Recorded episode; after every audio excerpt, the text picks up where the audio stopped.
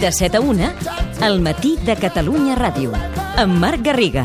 Live it up and enjoy yourself.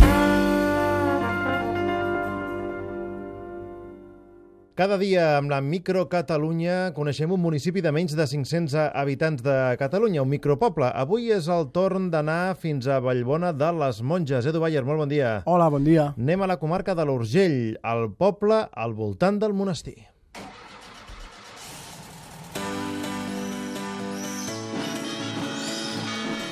Viatgem per la Micro Catalunya.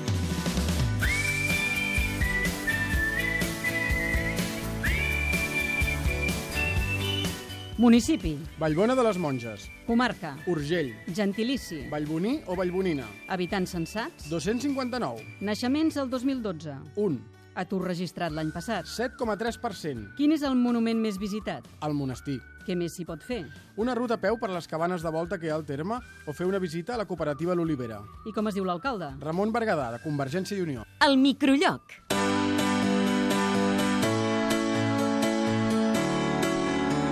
Dins del terme de Vallbona de les Monges hi ha encara un poble més micro, Montblanquet, on hi vau passar uns dies bastant aïllats, sense cobertura, a més a més, oi, Edu? Sí, exacte. Van estar uns dies que ni podíem pujar res al nostre web perquè hi havia zero cobertura amb totes les companyies i tots els llocs. Excepte hi havia un raconet que vam trobar al costat del cementiri, amb una d'elles, eh, si tenies una miqueta de sort, podies eh, enviar un WhatsApp.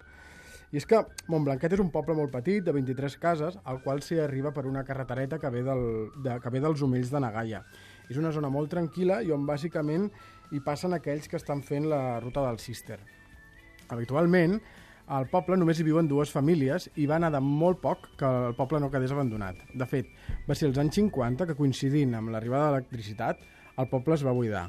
I per sort, hi van haver un seguit de gent vinguda de diferents parts del territori que van comprar cases, alguns per instal·lar-s'hi permanentment, alguns per anar-hi de tant en tant, i, i, i tot aquest grup de, de gent és el que ha, ha revitalitzat el poble i li ha donat una segona oportunitat. Eh, entre tots han creat una associació per dinamitzar el poble i ara el poble és un, té, una, té una energia així molt jove, molt, molt, molt agradable. Els Són gent que ja vivia al poble d'abans i han tornat o són gent nova? No, els únics que mantenen el vincle amb el passat són els de Cal Glòria.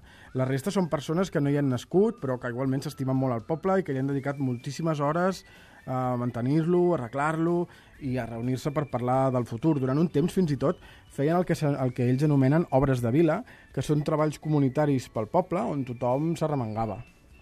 Si mai aneu, hi ha dues cases de turisme rural i no deixeu de visitar l'església, el santuari del Tallat i la Font Vella, que fins fa pocs anys la gent hi, eh, hi anava per anar a buscar aigua perquè creuen que, que té propietats així meravelloses. Està bé. Uh, I aquest cap de setmana és la, la festa major, mm, per tant, sens dubte, un bon dia per anar-hi. I en aquesta zona, Edu, mm, deies que abans d'entrar a l'estudi em comentaves que hi ha vestigis de la Guerra Civil. Sí, sí, als Omells de Nagaia, ben a prop, hi va haver un, un camp de concentració republicà on feien treballar els presoners i és un passat bastant fosc que poc té a veure amb el present aquest de carrers cuidats, hortets i el camp de futbol que seguen a l'estiu. Però vaja, tornant a la festa, el pregoner d'aquest any serà en Pau, un pastor de la zona. La microimatge.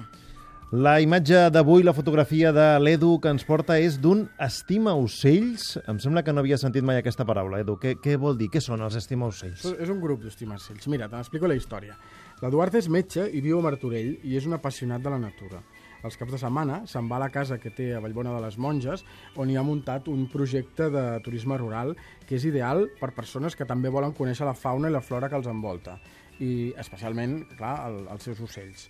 Eh, es diu La Caseta de l'Òliva i ofereixen tota mena d'activitats per grans i per petits. A l'estiu, quan Vallbona està, té, més, té més vida, organitzen el que ells anomenen el taller dels estimaocells, on cada família que hi participa ha de fer un ninot de palla, tipus un espantaocells de Sí, tota la vida. s'assembla molt a un espantaocells. Llavors, eh, m'imagino que agafen roba vella de l'armari de casa, mm. un barret, una pilota, totes les andròmines que troben per crear aquesta forma humana, llavors la farceixen ben bé de palla i, o a vegades també fan, arreglen els de l'any anterior. i llavors estan instal·lats en una cruïlla de carreteres i és molt espectacular perquè hi ha el, el cartellet aquest dels estimaocells i bueno, és, una, és un espai d'art a l'aire lliure. Doncs avui la imatge de l'Edu, que penjarem tot seguit al Facebook i al Twitter del programa, és d'aquest grup d'estima ocells, semblants als espantaocells, però amb més colors i que realment fan molt de goig en aquest camp de Vallbona de les Monges. I és el tercer any que, és el tercer any que duren. Molt bé, gràcies, Edu. Fins després.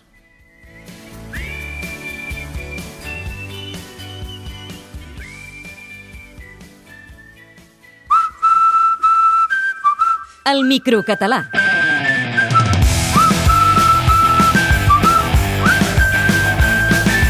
Hi ha empreses que són alguna cosa més que una manera de fer diners i aquest és el cas de la cooperativa L'Olivera de Vallbona de les Monges. Eh, Per tant, anem a parlar amb qui porta aquesta cooperativa, el Carles Daumada. Carles, bon dia.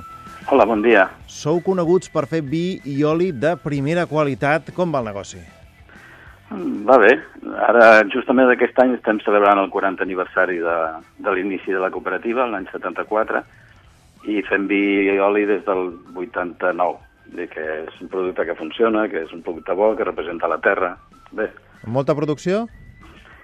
en vi estem sobre unes 180.000 ampolles, més o menys, amb molts vins, eh, ti- tipus de vins diferents, uns 12 o 13 blancs i dos negres, escumosos, dolços, i amb oli menys varietat, però estem amb 3, 3 o 4 productes també hi ha menys producció, perquè tenim unes 20 hectàrees amb ecològic i que els rendiments són baixos. Tenim sobre 5.000, 6.000 litres d'oli. I a banda d'això també us destaqueu per donar serveis d'atenció a les persones, oi? Sí, la cooperativa al principi un dels objectius era fer un projecte de treball juntament amb persones amb capacitats diferents. I partia l'any 74 que tots som diferents i tothom tenim capacitats i discapacitats i entre tots hem de fer un projecte de vida al món rural. Si algú us vol conèixer millor, eh, em sembla que també es poden apuntar alguna de les visites guiades que oferiu. Per tant, es pot venir a Vallbona de les Monges, fer una visita guiada al monestir, després una altra a la vostra cooperativa. Aquesta seria una bona comparació, una bona combinació? Sí, sí, sí, combina bé. Nosaltres tenim el celler obert a visites dissabtes i diumenges al matí i després hi ha la possibilitat també, eh, quan, quan es penja al Facebook, de fer visites a la vinya, fer esmorzars a la vinya, per exemple. I que teniu molt de turisme a Vallbona de les Monges? Vallbona de les Monges és un lloc bastant turístic. Em sembla que les últimes estadístiques estaven entre 25 i 30.000 visites, visites a l'any, sobretot bueno, la manera de comptar-ho és a través de visites al monestir. És una mica la dada més fiable. I a banda del monestir i la cooperativa, què més hauríem de visitar a Vallbona? Bueno, Vallbona és tot l'entorn. És la, a part de el que heu dit, que he comentat del poble abans en el programa, també teniu la línia de Defensa 2, que, que també és una excursió interessant, i algun petit record sobre, sobre del, de la memòria històrica, del que són els antics safareig del poble, i de, sobretot el seu entorn, el seu paisatge, la vall del Corp, el que és la ruta del Cister, són coses interessants perquè necessita una mica de temps i sobretot deixar-se impregnar pel seu ambient, que és un ambient tranquil, de, de parets de pedra seca. Bé, Doncs, Carles, eh, moltíssima sort amb aquesta cooperativa i ens veiem en un dia d'aquests per Vallbona de les Monges. Gràcies, molt bon dia. Us esperem, gràcies, bon dia. De 7 a 1, al matí de Catalunya Ràdio. Amb Marc Garriga. Live it up and enjoy yourself.